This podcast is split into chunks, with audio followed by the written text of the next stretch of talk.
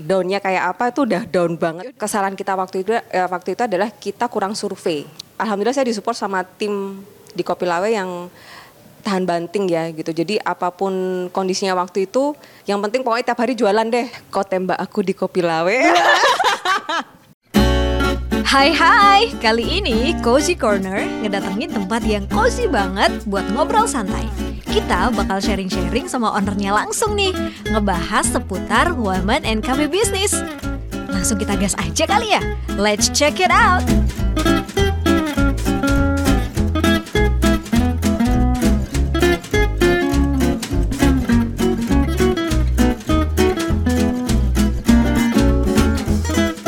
Cozy Corner, get cozy with us. Hai, welcome to Cozy Corner. Kita kasih tepuk tangan dulu dong, biar vibes-nya tuh kerasa meriah gitu ya.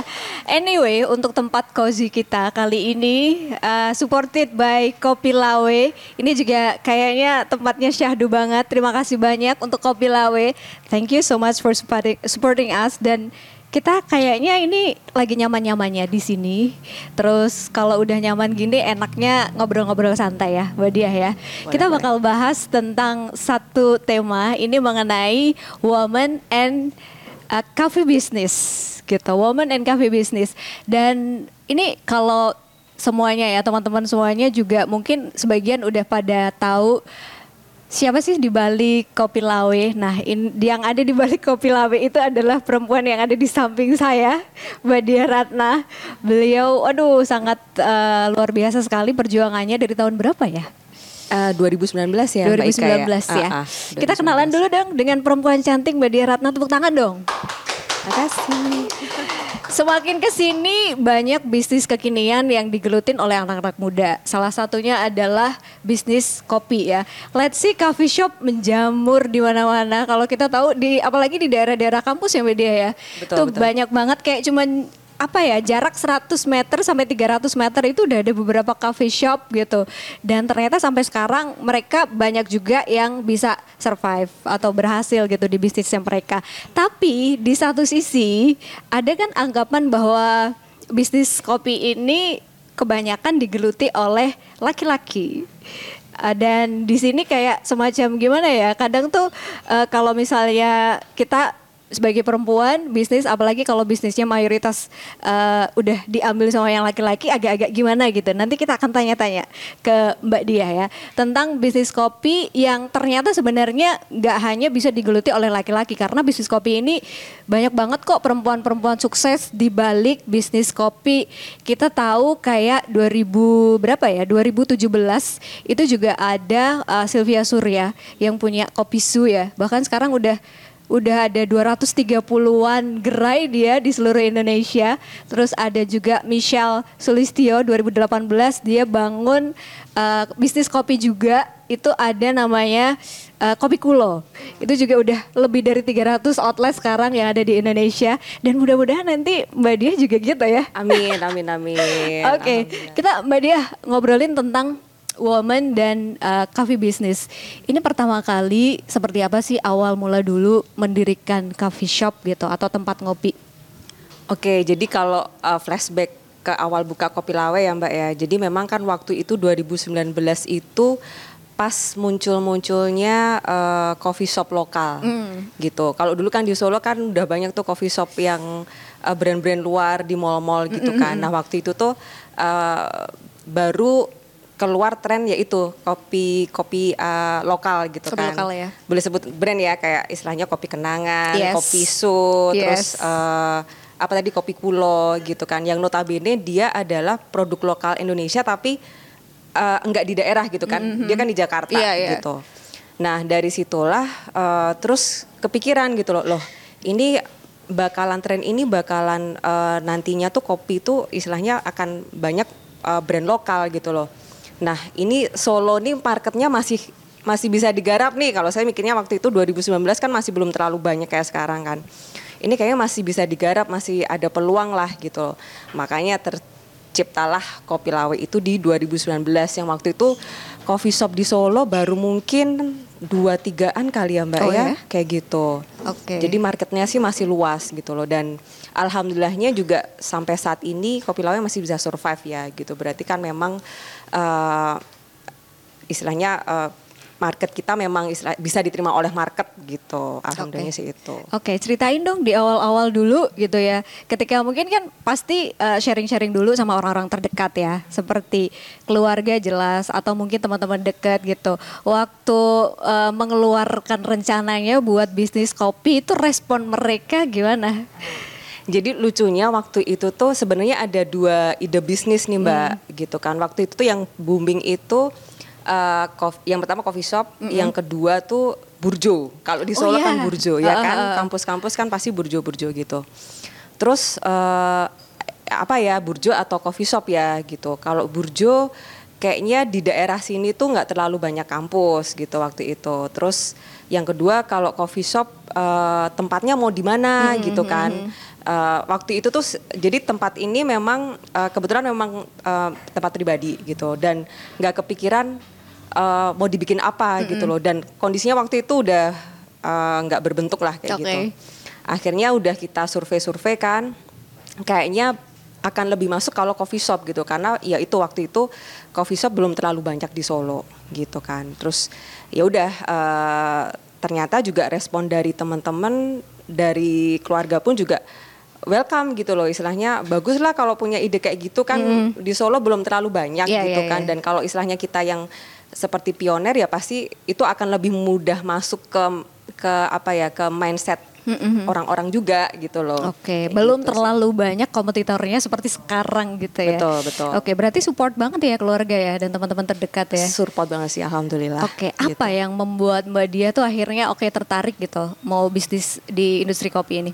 Eh, yang pertama waktu itu lihat peluang sih mbak. Peluang. Emang ya dari peluang gitu. Jadi em, ya tren coffee shop ini kalau dibilang tren memang tren gitu loh. Tapi kalau saya lihat akan bertahan lama, long lasting gitu karena udah kayak jadi lifestyle ya gitu. Udah jadi kayak lifestyle dan memang tren itu juga kalau kita tidak memikirkan eh, plan jangka panjangnya juga pasti akan eh, tergerus juga gitu. Makanya untuk em, me- apa ya istilahnya dengan tren ini kita juga ngelihat gitu loh. Oh coffee shop itu eh, nggak melulu jualan kopi loh gitu loh. Kita harus istilahnya apa ya inovasi produk tuh Yes.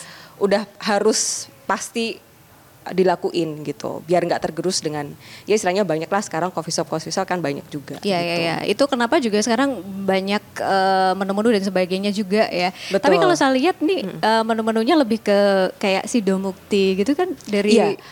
Sido Mukti Sido itu signature, Signature dari ya? 2019 gitu. Jadi memang itu eh, unggulan produk kami sih gitu. Tapi sekarang kita ngelihat ya kayak tren sekarang se- eh, kit- eh, saya ngelihatnya udah mulai beralih ke eh, mixologi gitu. Jadi perpaduan antara kopi dengan eh, teh gitu kan, kopi dengan jamu kayak gitu. Nah, itu yang produk-produk inovasi yang eh, kita selalu riset terus gitu loh. Oke, Gitu. Mbak Diah pelaku uh, bisnis kopi ini kan emang tadi ya kebanyakan laki-laki gitu. Pernah nggak sih di awal-awal atau sampai sekarang gitu kayak semacam gimana ya dianggap uh, diremehin atau gimana? Pernah nggak punya pengalaman kayak gitu? Kalau aku alhamdulillah enggak sih Mbak Enggak ya? gitu karena alhamdulillah aku punya tim ya gitu. Jadi istilahnya kalau ditanya Mbak dia bisa bikin kopi nggak sih? Aku nggak bisa bikin kopi. Dan nggak wajib juga buat bisa gitu. Betul. bikin kopi ya? Jadi kalau kalau saya lebih ke arah manajemen ya gitu loh ke manajemen juga. Tapi saya juga istilahnya untuk masalah tes dan lain sebagainya saya juga harus turun tangan juga gitu loh istilahnya ini tesnya masuk nggak nih gitu kan. Kayak te- eh, kebetulan kan memang market eh, kopi lawe kan kebanyakan memang cewek gitu. Makanya dari segi konsep bangunan, konsep interior gitu kan eh, lebih ke cewek gitu kan yang unyu-unyu gitulah yang Instagramable betul gitu. Instagramable gitu. Terus untuk produk kopinya sendiri juga uh, saya bikin yang nggak terlalu strong juga gitu biar uh, apa uh, cewek-cewek juga suka gitu. Jadi ya um, alhamdulillah nggak sih Mbak kalau diremehin ya. Jadi memang uh, kita uh, di tim memang saling backup gitu. Kalau memang kapasitas saya sebagai perempuan nggak bisa ya saya pasti akan indiin tim saya untuk maju gitu. Oke, nggak mungkin semua dilakuin sendiri Betul, gitu ya. betul, Butuh betul. tim yang saling kerjasama Betul. gitu untuk bisa maju bareng-bareng. Ini eh, by the way kalau sekarang kan memang banyak anak muda yang mencoba untuk ngejalanin bisnis itu ngelihat ini yang lagi nge-hype apa, yang lagi tren apa gitu. Menurut pandangan Mbak Dia nih, eh, salah nggak sih atau gimana melihat anak-anak muda sekarang yang memilih bisnis yang lagi ngetren atau nge-hype gitu? Sebetulnya nggak salah sih. Nggak salah ya? Nggak salah karena eh, ya itu peluangnya gitu kan. Cuman yang memang perlu dikonsenkan adalah strateginya apa sih biar bisa eh, bisnis itu long lasting gitu loh. Jangan sampai ya udah tren eh, tapi ketika tren itu udah nggak tren lagi terus udah tutup gitu. Jangan sampai gitu. Jadi makanya kalau di saya sendiri gitu kan eh, ya ini kayak pamannya kopi kan mungkin trennya eh, kopi udah aduh semuanya bikin kopi Iya sih. semuanya gitu kan makanya kita juga nawarin produk oh ada teh Uh-uh. ada ice tea dengan berbagai macam variannya kayak gitu nah itu yang nanti dengan berjalannya waktu kan tren mungkin nih ke depannya mungkin tiga tahun lagi apa eh, berapa tahun lagi nanti ada apa balik lagi ke tren teh Oh, iya. teh teh kayak gitu nah kita udah punya produknya nih tinggal nanti Oke. dikembangin lagi jadi strategi itu penting sih Oke, gitu. ngikutin yang tren boleh, tapi harus punya strategi ya, punya modalnya dulu. Modal di sini bukan uang ya, tapi iya juga sih. Eh, modal udah Modal pasti, udah pasti. ya. Tapi yang yang eh, lebih utama sih kalau saya lebih ke planning, ke manajemen tim gitu ya, sistem itu. Oke, oke, obrolan kita nanti masih akan terus kita lanjutkan lagi. Cuman kayaknya biar eh, ada penyegaran dikit ya. Kita mau ada sedikit eh, games-games gitu kan. Nah ini udah kita siapin, Mbak Dia. Tapi nggak kita bocorin dulu ya. Ini mirip eh, apa namanya? Cardnya udah mirip nama kita aja. Cozy kan? Eh, Iya udah kita siapin. Nanti eh, cara mainnya harus jawab jujur. Di sini kan ada pertanyaan rahasia. Harus dijawab dengan jujur ya. Deg-degan ya. Harus di- dijawab dengan jujur dan eh, kalau misalnya apa namanya agak-agak eh, privacy gitu ya nggak apa-apa nggak usah ya. Tapi kayaknya nggak. Waduh. Tapi kayaknya enggak ya. Gambar enggak. Eh saya dulu apa Mbak Dia dulu? Mbak Dia dulu deh kayaknya yang pilih. Iya. Coba silakan. Pilih ya ini ya. Boleh, boleh pilih. Saya tadi udah dikasih ini apa ya? Oh, udah, udah enggak boleh lagi. Enggak boleh lagi. Enggak Ini. boleh dibalikin. Oh, nggak boleh. nggak. Enggak, langsung diambil. Oh, langsung. Langsung diambil sebentar. Ah. Langsung diambil ya. Oke, eh, udah dibaca pertanyaannya? Udah. Oh iya, saya boleh bacakan? Oke. Nah ini, nanti boleh di sweet sweetin ya? Oh enggak ya? Eh, pertanyaannya adalah, harus jujur ya, kenangan manis yang berhubungan dengan kopi. Oh gitu. Apa tuh? Ini jawabannya nggak harus yang itu kan seru-seru. Eh, jawabannya terserah, tapi harus jujur. Terus memang harus, eh, memang kenangan manis. oh harus jujur ya. Harus jujur dong. Dan itu kenangan manis sama dia. Eh, mana sih ini yang sana apa ke sana sih? Oh, Oh, siapa tahu abis ini ada yang pernah diajak Oh, jadi gitu. bagian dari kenangan manis ya kan? Boleh boleh. Apa ya? Ini deh kau tembak aku di kopi lawe. Eh, nggak apa-apa kalau mau tepuk tangan, nggak usah malu-malu gitu. Oh iya. Oh, Padahal berarti itu gitu. halusinasi. Oh, maunya gitu. Berarti Iya, itu udah kenangan apa belum? Bener-bener kenangan kan? Ah, eh, ya udahlah dibikin Oke, kenangan. baik. Berarti ceritanya gitu ya, Mbak Dia ya? Oh gitu. Oke. Tata dulu. Kalau dibikin lain bisa nggak nih? Nggak bisa. Nggak bisa. Nggak ya bisa. udahlah. Justru nanti itu kita tayangin ya di awal ya. Oke. Oke. Ah, aku deh. Aku juga deg-degan ya. Harusnya Mbak Dia tiga, aku satu ya. Aduh. Loh, oh iya, ya udah gak apa-apa. Apa tuh? Ah, kenangan pahit dengan kopi. Loh, itu aku lagi. Oh, Aku lagi tadi nih mana Kak sih? Mbak Ika. Tadi kenangan manis Iya. kan? Oh iya. Oh iya, sekarang Ini aku aku, lagi. aku Mbak, Oh iya, aku. Mbak Ika kan. Kenangan pahit dengan kopi. Kenangan pahit dengan kopi. apa? iya. Dulu ya, tapi kalau sekarang udah enggak itu dulu. Hmm, pernah mengakhiri hubungan di coffee shop? Oh, oh sedih banget. Dulu, Oh. dulu, dulu. Sekarang, sekarang kan udah enggak. Oke, yuk, let's see, Mbak Dia. Lagi. Apa ya, C? Aduh, kata hari ini yang ada kopinya. Nah ini harus kita berdua. Kata hari ini yang ada kopinya. Nah, Apa ya, Mbak? oh, apa Mbak? Apa ya? Udah punya belum? Atau kayaknya ini buat akhir aja ya? Kata-kata hari ini yang ada kopinya. Yang Mbak ada Dia ko- ambil iya ini deh. dulu. Ntar aku sambil Iya, mikir deh. Ini Mbak Dia ambil ini. Jenis kopi yang disukai. Oke, saya itu jujur nggak nggak bisa minum sus eh nggak bisa minum kopi yang eh apa sih yang single shot gitu. Jadi harus mesti paling nggak americano lah dikasih air, dikasih gula gitu. Oke, itu yang Gitu. paling disukai Iya, ya. Americano. Oke, kayak kalau kopi luwak gitu-gitu. Kopi luwak eh aku Gayo suka sih, gitu-gitu. Mbak. Oh, nggak ya? Nggak, Nggak terlalu terlalu terlalu pekat ya. Oh, terlalu gitu. pekat. Biar hidup saja yang Oh, iya. sudah Kayak pekat. masa lalu. Oke, nggak apa-apa. Sekarang ini nih, terakhir, ini mesti kita berdua. Kata kata hari hari ini yang ada kopinya. yang ada kopinya.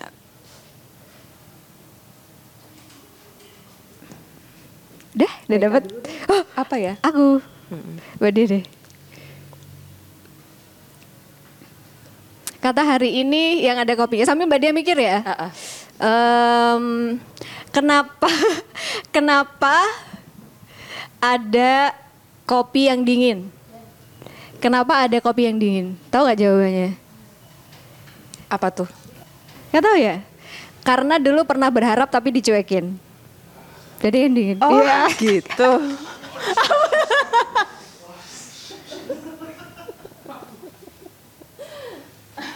Iya Oke, gitu. oke. Ya udah, balik Nggak, ya Mbak Ika ya. Kan kata-kata kan terserah. Bener bener Kata-kata sih, tuh bener bener. terserah. Bener bener. Aku ya Mbak ya. Iya, Mbak Dia apa? Oke. Mbak Ika, kenapa ada kopi yang panas? Uh, malah ya ini ya. Kenapa ada kopi yang panas?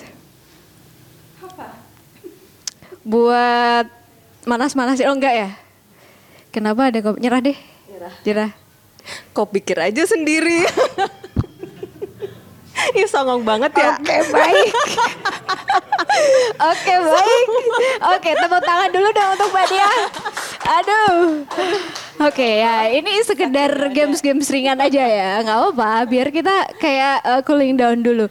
Tapi gini, kalau misalnya di Solo sendiri ya, uh, selama dari 2019 sampai sekarang awal 2023 tuh um, jenis kopi apa sih yang lebih banyak diminati gitu?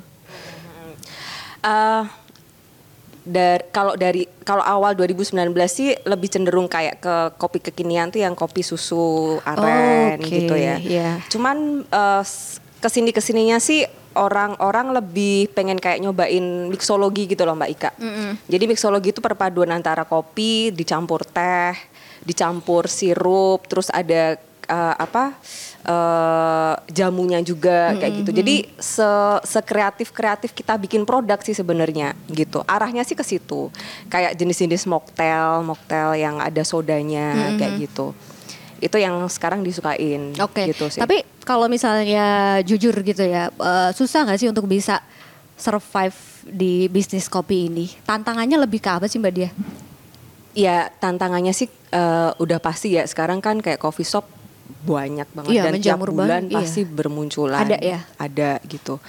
Kita kalau eh, yang pertama kalau nggak inovasi udah pasti akan dilupain gitu kan. Yang kedua sih eh, aku ngelihatnya memang harus eh, banyak aktivasi di coffee shop kita ya gitu entah bikin acara gitu kan terus bikin promo-promo kayak gitu itu yang bikin orang juga istilahnya eh, reminds lagi gitu loh oh iya nih kopi lawel baru ada acara ini gitu kan baru ada promo ini gitu. Itu yang mungkin saat ini yang bisa eh, salah satu strategi yang bisa kita lakuin ya di tengah persaingan coffee shop yang Oke. banyak ini. Ya, eh, kalau lihat juga pelaku bisnis ini emang kebanyakan yang di kopi ya, anak-anak muda atau sebenarnya enggak? Kalau Mbak Dia lihat? kebanyakan anak muda. Anak muda ya? Iya betul. Anak muda. Dan mereka itu memang konsepnya luar biasa sih. Keren ya, konsepnya keren-keren luar ya. biasa. Itu udah udah terbukti lah gitu loh.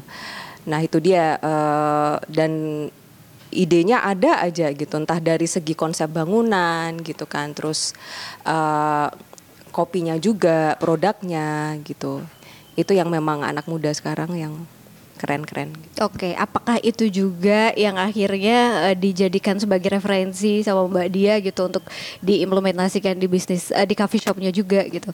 Uh, gini kalau kalau bagi saya kalau ngikutin uh, ngikutin apa ya istilahnya tempat lain tempat oh. lain nggak akan nggak akan selesai selesai oh. gitu loh istilahnya kalau ada tempat baru dengan konsep baru oh ini terus ntar direnovasi atau di apa nggak akan bisa nggak akan bisa kayak gitu caranya gitu loh kalau bagi saya sih yang pertama memang kita harus dari produknya sendiri memang harus kita kuatin sih gitu loh biar orang juga nggak sekali datang udah gitu karena mm -hmm.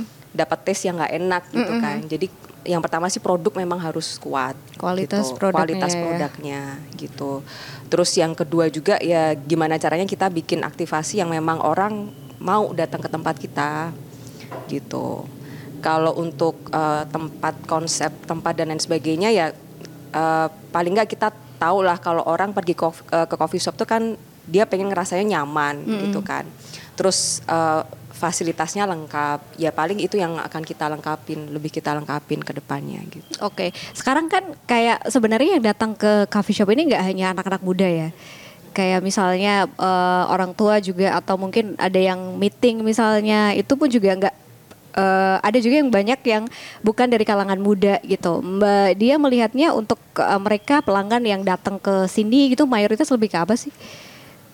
Um, kalau dulu memang kebanyakan anak muda. Anak muda ya. Mm -mm. Tapi kalau ke sekarang-sekarang memang lebih kebanyakan uh, family ada. Mm. Terus orang orang-orang yang bekerja corporate pun juga banyak mm -mm. gitu. Mereka yang meeting di sini gitu. Jadi uh, sekarang lebih general ya Mbak, lebih mm. umum gitu. Oke, okay. mm-hmm. buat teman-teman semuanya uh, yang mungkin sekarang juga lagi ngerancang atau pengen ada keinginan uh, berbisnis di dunia perkopian juga, meskipun dia perempuan misalnya gitu, apa sih yang sebenarnya mesti diperhatikan? Ada kiat-kiat khusus gak sih? Um, Oke, okay, kalau kalau saya sih uh, berbicaranya mungkin lebih general yang Mbak ya, nggak mm-hmm. nggak fokus ke kopi gitu, mm-hmm.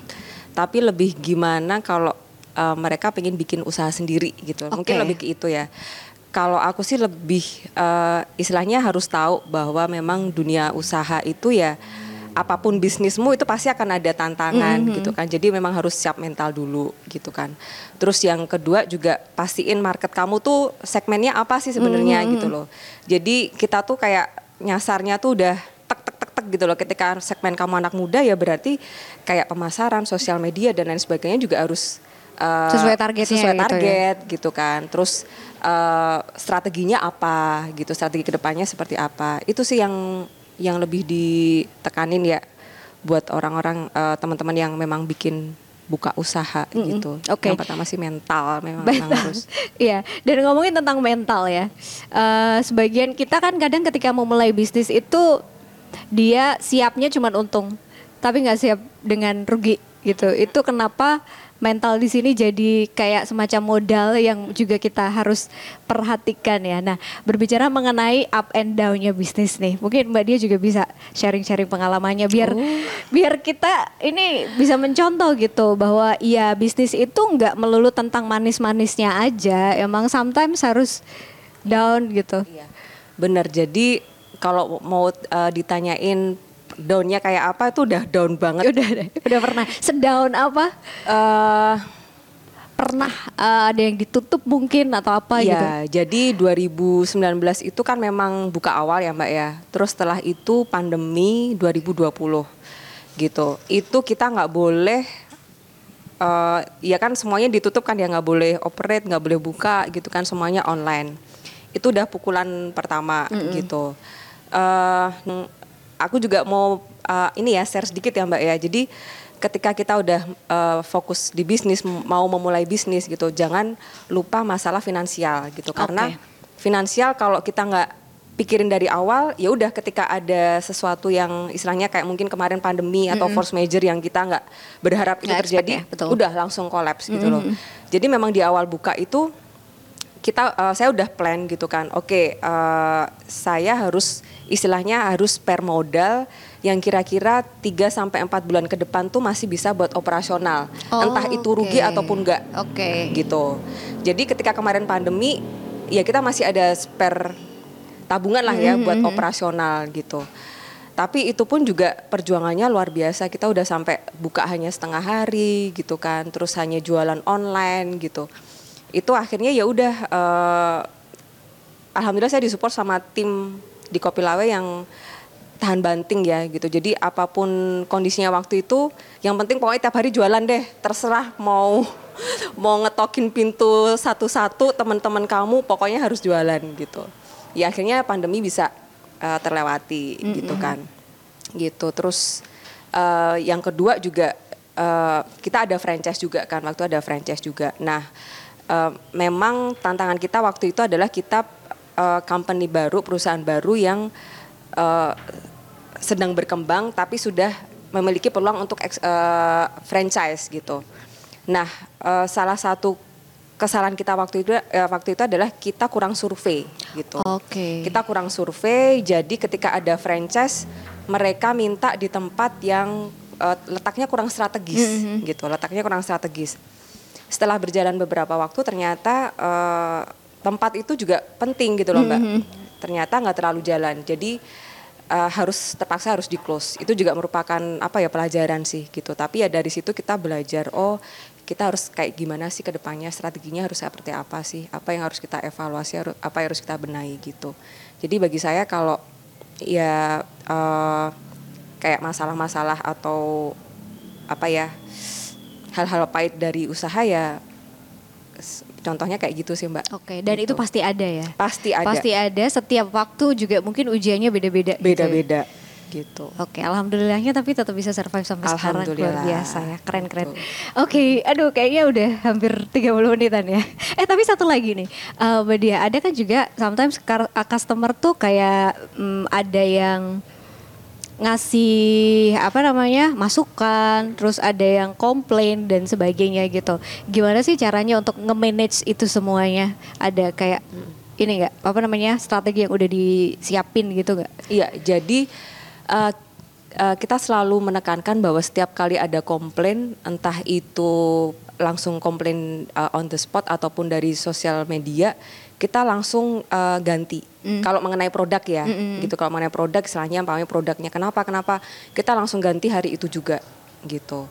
Itu yang uh, istilahnya salah satu service yang yang yang kita kasih bahwa memang kita care sama customer gitu loh bahwa kita memang nggak mau mengecewakan customer itu sih mbak Oke. Langsung, mm-mm. Eh, satu pesan terakhir dong buat teman-teman semuanya yang mungkin habis ini langsung semangat punya bisnis. Mungkin ada satu atau dua kunci gitu dalam berbisnis yang perlu kita garis bawahin. yang pertama sih jangan takut ya jangan takut untuk memulai usaha gitu dan kalau kalian maksudnya kalian bingung mau usaha apa ya gitu istilahnya cari usaha yang memang kalian suka itu sih Oh, yeah. yang memang kalian suka dan eh, yang kedua adalah memang itu dibutuhkan banyak orang dan kalian bisa provide hal tersebut itu sih itu aja sih mbak Oke. Oh, oh. jadi nggak usah muluk-muluk dulu pokoknya yang kalian suka dulu deh apa dari situ istilahnya di dalamnya digelutin cari peluang yang kira-kira dari hal yang kalian suka itu yang bisa dibisnisin apa Oke, jangan asal coba-coba ya. betul Cari tahu dulu, cari pahami tahu dulu ya. pahami Oke, oke. Thank you banget Mbak Dia udah berbagi, udah jadi inspirasi di podcast kita kali ini. Sukses untuk coffee shopnya. Terima Tapi by the way, kasih. bisnisnya Mbak Dia banyak banget. Gak cuma di coffee shop aja, yang di sebelah aja ada. Terus yang di batiknya masih ya? Eh, batik ya masih jalan dikit masih lah ya. Terus Oh. sama yang itu apa namanya?